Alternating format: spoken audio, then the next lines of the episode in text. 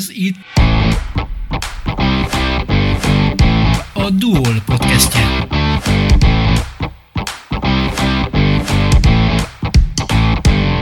Ötven évet töltött az Ikarus szolgálatában, 50 évet dolgozott ott Mór Gyula, akit köszöntök a stúdióba, és köszönöm, hogy elfogadta a meghívásunkat. Én érzem magam megtisztelve. 50 év nagyon hosszú idő. Hogyan indult ez a történet? Hogyan került ön az Ikaruszhoz? Teljesen véletlenül. Ugye, én Celdömölki születésű vagyok. Szombathelyen jártam középiskolába, Pesten főiskolára, és egy utcabeli barátomtól érdeklődtem, hogy mert ő a videótomba tanult rádió-tv műszerésznek, hogy hát mi a helyzet Fehérváron. És akkor úgy nagyjából összefoglalta, hogy mik azok a cégek, akik így állás szempontjából szóba jöhetnek. És hát ugye egy térképen én megnézegettem, hogy hát hol vannak, hol, hol kell majd keresni. A legmesszebb volt az Ikarusz. Hát mondom, akkor ott kezdtem. Na és hát azzal a lendülettel ott is ragadtam. Tehát ez, ez volt a indulásnak a története. Amikor ott az egyes, egyes portán bekérezkedtem, a személyzeti osztály ott volt rögtön a porta mellett. Na, de engem aztán betereltek azon nyomban, és a, az osztályvezető helyettes lecsapott rám, mert a technológiai osztályon volt egy normatechnológus állás, betöltetlen állás, és hát, hogy én erre ezt bevállalnám-e. Bevállaltam, és hát ugye ennek az volt a következménye, hogy, hogy abban az időben az Ikaruszban az volt a, meg hát sok más vállalatnál is, hogy, hogy a kezdőknek volt egy ilyen fél éves forgási időszak, a legkülönbözőbb munkahelyeken megjelentek. Velem ez nem történt meg, hanem én a harmadik napon már egy norma technológusi bélyegzővel felszerelt technológus voltam. Úgyhogy hát elég hamar mélyvíz lett az én foglalkoztatásom. Hogyan állta meg a helyét fiatalon ebben a mélyvízben? Hogyan ö, zajlott ott a munka akkoriban? Hát abban az időben elég jelentős változások voltak, mert ugye amikor én augusztus 1-én, tehát 73. augusztus 1-én beléptem a gyárba, a 066-os autóbuszok utolsó szériájának egy olyan 20-25 darabja, még ott volt az igazgatósági épület melletti nagy tárolótéren. És azt követően a Fehérvári gyár már csak 200-as autóbuszokat gyártott. Tehát egy gyártmányváltásnak a, a, az időszakába kerültem én oda, ami hát, tulajdonképpen a gyárthatóság javítás érdekében, tehát nagyon sok szerszámozási, fejlesztési feladatot igényelt, és hát gyakorlatilag a, már indulóban az egy nagyon szép időszak volt, mert ugye rengeteget kellett gondolkodni, számolni, mert hát ugye az elvárás volt, hogy egy alkatrészre az ember azt mondta, hogy na hát akkor kérem erre csinálunk egy tudom én, százezer forintos szerszámot, hát azt be kellett tudni bizonyítani, hogy az bizony megéri. Úgyhogy tehát ez a, a technológiai időszak, ez ebből a szempontból volt érdekes, és akkor 1976-ban kerültem én a gyártásfejlesztési csoportba, annak lettem a vezetője. Hát aztán az megint egy érdekes időszak volt, mert ott meg a üvegszálerősítésű poliészter karosszéri elemeknek az alkalmazásával kezdtünk el foglalkozni, ami aztán az 500-as autóbuszoknak a formatervét, és utána a 300-as autóbuszoknak is a formatervét technológiai oldalon meghatározta, mert hát ugye mindazokat a gondolatokat, amiket a formatervező megálmodott, hát ugye mi egy megvalósult formálán beöntöttük. Tehát nagyjából ez volt a indulásnak a története. Részt vett a 200-as és a 300-as buszcsalád fejlesztésében is. Hogyan lehet? A 200-asnál a fejlesztést én azért úgy fogalmaznám meg, hogy a technológiai fejlesztésébe. Mert a 200-as addigra már egy kidolgozott konstrukció volt, legalábbis az alaptípusokat tekintve. Hát annak a továbbfejlesztése időről időre megtörtént, hanem inkább a, a 200-as leváltó konstrukciók voltak azok, amiben hát mi azért úgy érdemben bedolgoztunk már. Hogyan lehet elképzelni ezt külső szemlélőként egy ilyen fejlesztési folyamatot? El lehet ezt mondani egyáltalán, hogy hogy, hogy zajlik egy ilyen új széria kidolgozása az ön szemszögéből, vagy az ön feladatát tekintve, hogy zajlott? Hát talán az első ilyen próbálkozásra itt nyúlnék vissza, amikor egy 7 és 7,3 méteres MIDI autóbusznak a karosszéria fejlesztésével kezdtünk. Annak az volt az érdekessége, hogy az egy járóképes alvázra épített karosszéria volt, tehát azokat a felszerszámozott elemeket, amik a 200-as autóbuszoknál léteztek, azokat itt nem lehetett felhasználni. Tehát itt a karosszéria tervezést, technologizálást, hát ezt újra kellett gondolni. És hát ugye voltak nekünk tehetséges formatervező kollégáink, hát akik megálmodták, hogy na hát milyennek kellene kinézni ennek a járműnek. És hát ugye mi meg hozzátettük a mi szerény módszereinkkel, hogy és akkor ezt hogyan lehet megcsinálni.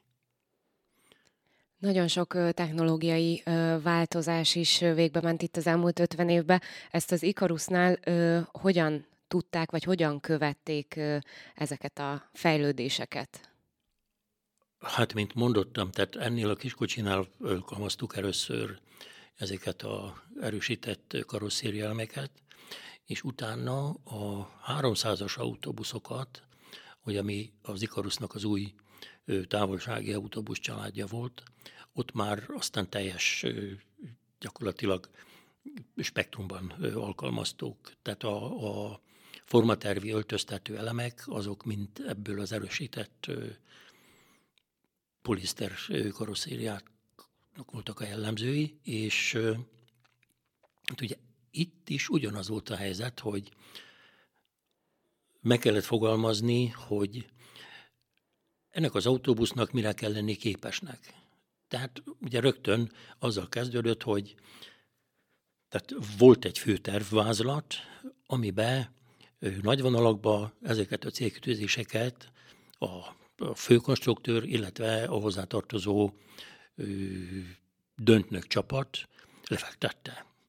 Tehát, hogy, hogy milyen keresztmetszetű legyen a jármű, mert ugye a keresztmetszet meghatározza, hogy mekkora csomagteret tudunk alkalmazni, a hosszúsága meghatározza, hogy hány ülőhelyet tudunk elhelyezni benne, illetve hát ugye a, a rendeleti kötöttségek meg meghatározták azt, hogy milyen magasnak kell lenni belülről. És hát ugye azok a, a kényelmi szempontok, tehát hogy ennek a járműnek már eleve légkondicionáltnak kell lenni. Tehát hogy ez már nem volt kérdés, de viszont a, a tervezésbe be kellett építeni. Tehát ezzel eleve számolni kellett. Na most, ugye, amikor ezek a, az alap kérdések eldőltek, ugye akkor fogalmaztuk meg hozzá a járműnek a főtervét. Most a főterv az már egészen pontos részleteket tartalmazott arra vonatkozóan, hogy a kidolgozantó konstrukciónak hogyan kell kinézni. És hát ugye akkor innen kezdődött az az érdemi munka, hogy amikor a gyárthatósági szempontokat is már figyelembe véve, gyakorlatilag arkatrészenként ezt az autóbusz, autóbuszokat meg kellett rajzolni. És ugye utána következett a, a technológiai elemző, feldolgozó munka, amikor hát meg kellett határozni, hogy ezeket az alkatrészeket milyen módszerekkel fogjuk gyártani. Na most hát ebben az időszakban történt mondjuk technológiai fejlődés szempontjából egy jelentős lépés, hogy elkezdtük alkalmazni a számjegyvezérelt cégépeket. Tehát ez nálunk először a lemezmegmunkálás területén valósult meg, második lépésként forgácsoló technológiáknál, és ugye ennek a lemezteríték megmunkálásnak volt egy második lépcsője, amikor a lézer megmunkáló központot vett a Fehérvári gyár, és annak az alkalmazását indítottuk el. Tehát ezek ilyen, ilyen hát jelentős lépések voltak a mi szempontjaink meg életünkben mindenképpen. Ebben az öt évtizedben ön ö, szakemberként melyek, ö, miket élt meg a legnagyobb kihívásnak, és milyen eredményeket élt meg a legnagyobb sikereinek? Hát ugye az első, meg talán ilyen szempontból a, a legkedvesebb, hogy ez a poliészter karosszéria elem gyártásának, alkalmazásba vételének a megvalósítása volt, mert ugye ez egy igazán nagy kihívás volt, azt addig ezt még itt nem csináltuk. Tehát meg kellett hozzá azokat a szakembereket, külső szakembereket keresni, akiknek volt tapasztalatuk ennek a bevezetésére, sőt, hát a, ugye abban az időben még működött a Gépipari Technológiai Intézet, tehát annak a erősített műanyag főosztálya volt nekünk a, a segítségünkre. Tehát egyrészt a technológia kidolgozásban, másrészt meg abban, hogy ugye ennek a felületnek, ami a külső rész, vagy külső felületét jelentette ezeknek a karosszériámeknek, ennek fényezhetőnek kellett lenni. Mert ugye addig az volt, hogy azok a forma leválasztók, amiket alkalmaztak, hogy a darab ki legyen vehető a szerszámból, hát ugye az utána a fényezést azt, azt tönkretette, vagy hát egyszerűen megakadályozta. És akkor volt egy ötlet, hogy forma leválasztóként tulajdonképpen egy alapozó felületet kell használni, amit utána már nekünk a fényező soron nem kell alapoznunk, hanem arra rögtön rá lehet vinni majd a közbenső réteget, meg rá lehet vinni a fedőfestéket. Úgyhogy ezek ilyen kis érdekes történetek voltak. 2017-ben indult újra Fehérváron az autóbuszgyártás. Ha jól tudom, ennek az előkészítésében és magában a megvalósításban is fontos szerepet vállalt. Hogyan zajlott ez az időszak? Hát ugye ennek az volt az érdekessége, hogy a, a Gödöllön működő HM Kurzus egyfajta együttműködésre nyert meg bennünket, egy Volvo alvázas autóbusz karosszéria fejlesztéséhez. Na most az első darabnak a karosszéria kivitelezésében már részt vettünk, és hát tulajdonképpen innen már szinte egyenes út vezetett ahhoz, hogy a, a kurusz minket bizott meg azzal, hogy ennek a járműnek készítsük el a, a formatervét, ezt meg, megelőzően a főtervét, és tulajdonképpen dolgozzuk ki a, a karosszéria konstrukciót teljes részletességgel. És hát ugye ebből indult el, aztán 2017-ben az a fejlesztés, hogy na hát először a, a forma, hogy nézzen ki ez a jármű, illetve hogy gyárthatóvá legyen tehető, hát ugye ehhez egy jelentős mértékű technológiai fejlesztést kellett végrehajtani. Tehát az a, a jelenleg működő alkatrész technológiai rendszer, amit használunk, az tulajdonképpen 2017-18-ban fogalmazódott meg, akkor választottuk ki a berendezéseket, értelemszerűen azoknak a feladatoknak megfelelően, amit ez a, a karosszéria igényelt, meg hát, hogy egy kis tovább, vagy távolabbra nézés is volt azért benne, hogy legyenek olyan eszközök is alkalmazva, amik nem autóbusz célspecifikusak, hanem legyen azokon más is megmunkálható. Hát ugye ez, ez mindig jelent egy, egy olyan, olyan, hogy mondjam, potenciális képességet, kompetenciát, hogy ha valamilyen oknál fogva csökken az autóbusz, akkor meg tudjunk lépni egy másik irányt, valamilyen kiegészítő üzletet, és én úgy gondolom, hogy, hogy ez egy nagyon jó gondolat volt annak idején. A legújabb ikaruszok közé tartoznak az elektromos autóbuszok. Ezzel kapcsolatban mit tud elmondani, hogy élte meg ezt a fajta változást, hogy, hogy már az autóbuszok területére is az elektromos motorok kerültek? Hát én azt hiszem, hogy, hogy ilyen szempontból ez egy, ez egy nagyon nagy változás volt a, a korábbi konstrukciókhoz, a korábbi építési módokhoz képest. Bár a alkalmazott konstrukció, ugye ennél a járműnél, ugye az önhordó karosszéria, amit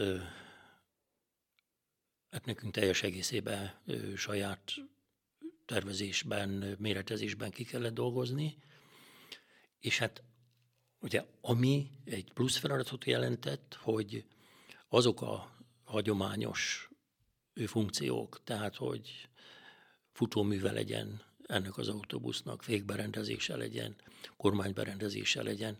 Hát ugye ezek nem voltak ismeretlenek, mert hát ugye egész eddig ezt csináltuk.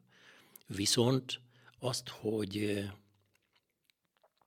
azok a energiaforrások, tehát az akkumulátorok, amik bekerülnek ebbe a járműbe, hol legyenek elhelyezve, mit jelent ez a jövőben a karosszéria működés, élettartam szempontjából, ezeket végig kellett gondolni. És hát ugye a következő ilyen fogós kérdés volt a hajtásvezérlés, illetve az elektronikának az alkalmazása, mert hát hiszen ugye ennél az autóbusznál ugye azok a segédüzemek, amiket dízelmotornál, hát hogy mondjam, nyilvánvalók és természetesek, ugye azokat itt külön meg kellett tervezni, azoknak az energiállátását biztosítani kellett, tehát hogy mondjam, tehát egy normál dízelautóbuszhoz képest az elektromos autóbusz egy kétszeres tervezési feladat legalább. Elmondhatjuk azt, hogy az ön pályá, pályafutásán ez volt a, az utolsó kihívás ö, ennek Remélem a nem. Remélem nem. Mert hogy ö, tanítani tervez, ha jól tudom. Hát én 2003 óta vagyok meghívott oktatója az Széchenyi Egyetemnek, tehát gyakorlatilag 20 éven keresztül oktattam levelező hallgatókat. Mostanában a szakmérnök képzésben vettem részt, de ez már azért nem jelent akkora, hát hogy mondjam, részvételt az egyetemi munkában, mint a korábbi. És folytatódik a tervezés is, hogy úgy mondta, hogy reméli, hogy nem ez volt az utolsó szakmai kihívás az elektromos buszok? Mindenképpen, mindenképpen, mert hát ugye eljutottunk egy olyan pontig, hogy azt a autóbusz mennyiséget, ami egy gazdaságos gyártásnak az alapja, hogy ezt valamilyen módon biztosítani kell. Na most ez lesz a következő időszaknak a kihívása. Tehát, hogy, hogy milyen gyártmányválasztékkal lépjünk tovább, illetve jelenjünk meg, mert hát ugye azt látjuk, hogy mind a rendeleti oldal, mind a vevőigények, azok jelentős mértékben változnak. És ezek jelentik az igazán új kihívásokat, hogy az az autóbusz, ami 2018-ban csúcsnak támított, csúcs minőségnek, az 2023-ban már az elavult kategóriába tartozik. Tehát hogyan tud fejlődni még egy autóbusz? Azon túl, hogy elektromos, hogy kényelmet ad az utasoknak, milyen területekre lehet még nyitni ezen a, az úton? Hát lehet, hogy furcsa lesz, amit fogok mondani, de ugye egy tény, hogy Európa élharcosa ezeknek a, a környezetkímélő megoldásokat, megoldásoknak mindenféle vonalon, tehát így járműves vonalon is. Viszont azt meg, meg tudni kell, hogy a világnak a nagyobbik fele, az még mindig az Euró 3-as motoroknál tart, dízel vonalon, mert hát hiszen nincsen megfelelő minőségi üzemanyag, nincsen AdBlue, tehát amivel mondjuk egy Euró 4-es kategóriát már ki kell szolgálni. Tehát ugye ez az egyik ilyen lehetséges irány, hogy mozduljunk-e, és ha mozdulunk, akkor mivel mozdulunk azokra a piacokra, ahol ezek a, a követelmények még így alapszinten vannak jelen. És hát érdekes módon ugye a,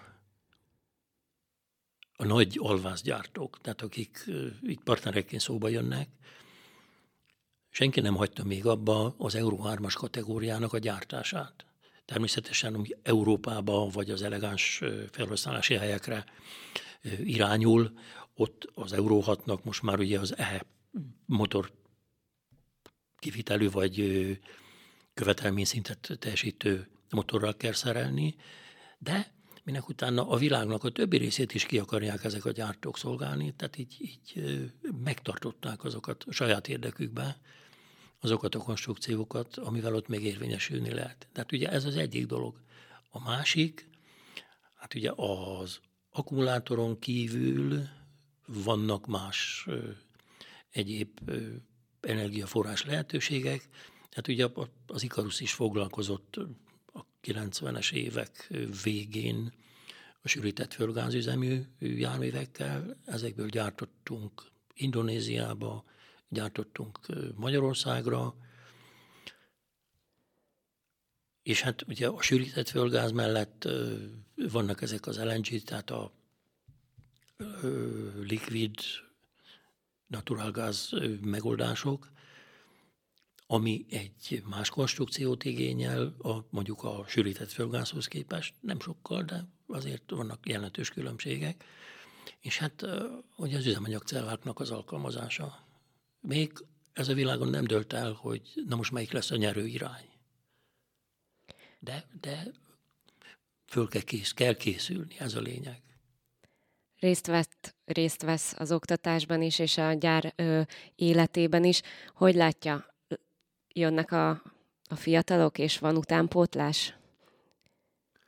Hát azt kell, hogy mondjam, hogy, hogy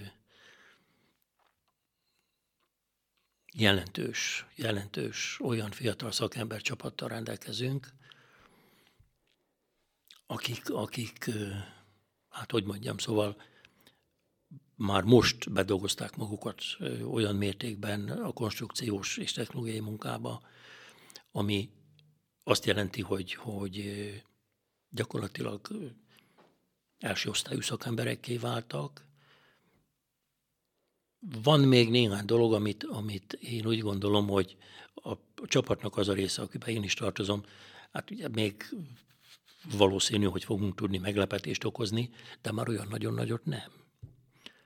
Tehát az, hogy, hogy most van nekünk egy olyan, olyan mérnökgárdánk, akire a közeljövőt is, meg a távolabbit is rá lehet építeni, ez egy óriási dolog. Továbbra is tanítani fog, tervezni fog. A nyugdíjas években azért jut idő a pihenésre is majd? Hát, hogyha, hogyha az ember úgy szervezi az életét, akkor igen. És úgy tervezi, hogy, hogy le, hagy időt a, a pihenésnek is, vagy az életéhez már annyira hozzá kapcsolódott ez a ö, hivatás, mondjuk úgy nem munkának, hogy, hogy nem tudja elengedni? Hát ebben a pillanatban még nem érzem magamat elég éretnek, hogy nyugdíjas legyek. Hát akkor egy nagyon ö, sok jó munkát kívánok önnek, és ö, azért jusson idő a pihenésre is, azt kívánom, és köszönöm szépen, hogy elfogadta a meghívásunkat. Eszter, nagyon szívesen. Örültem, hogy itt lehettem. A Duol podcastjét hallották. Köszönjük, hogy velünk voltak. Tartsanak velünk legközelebb is!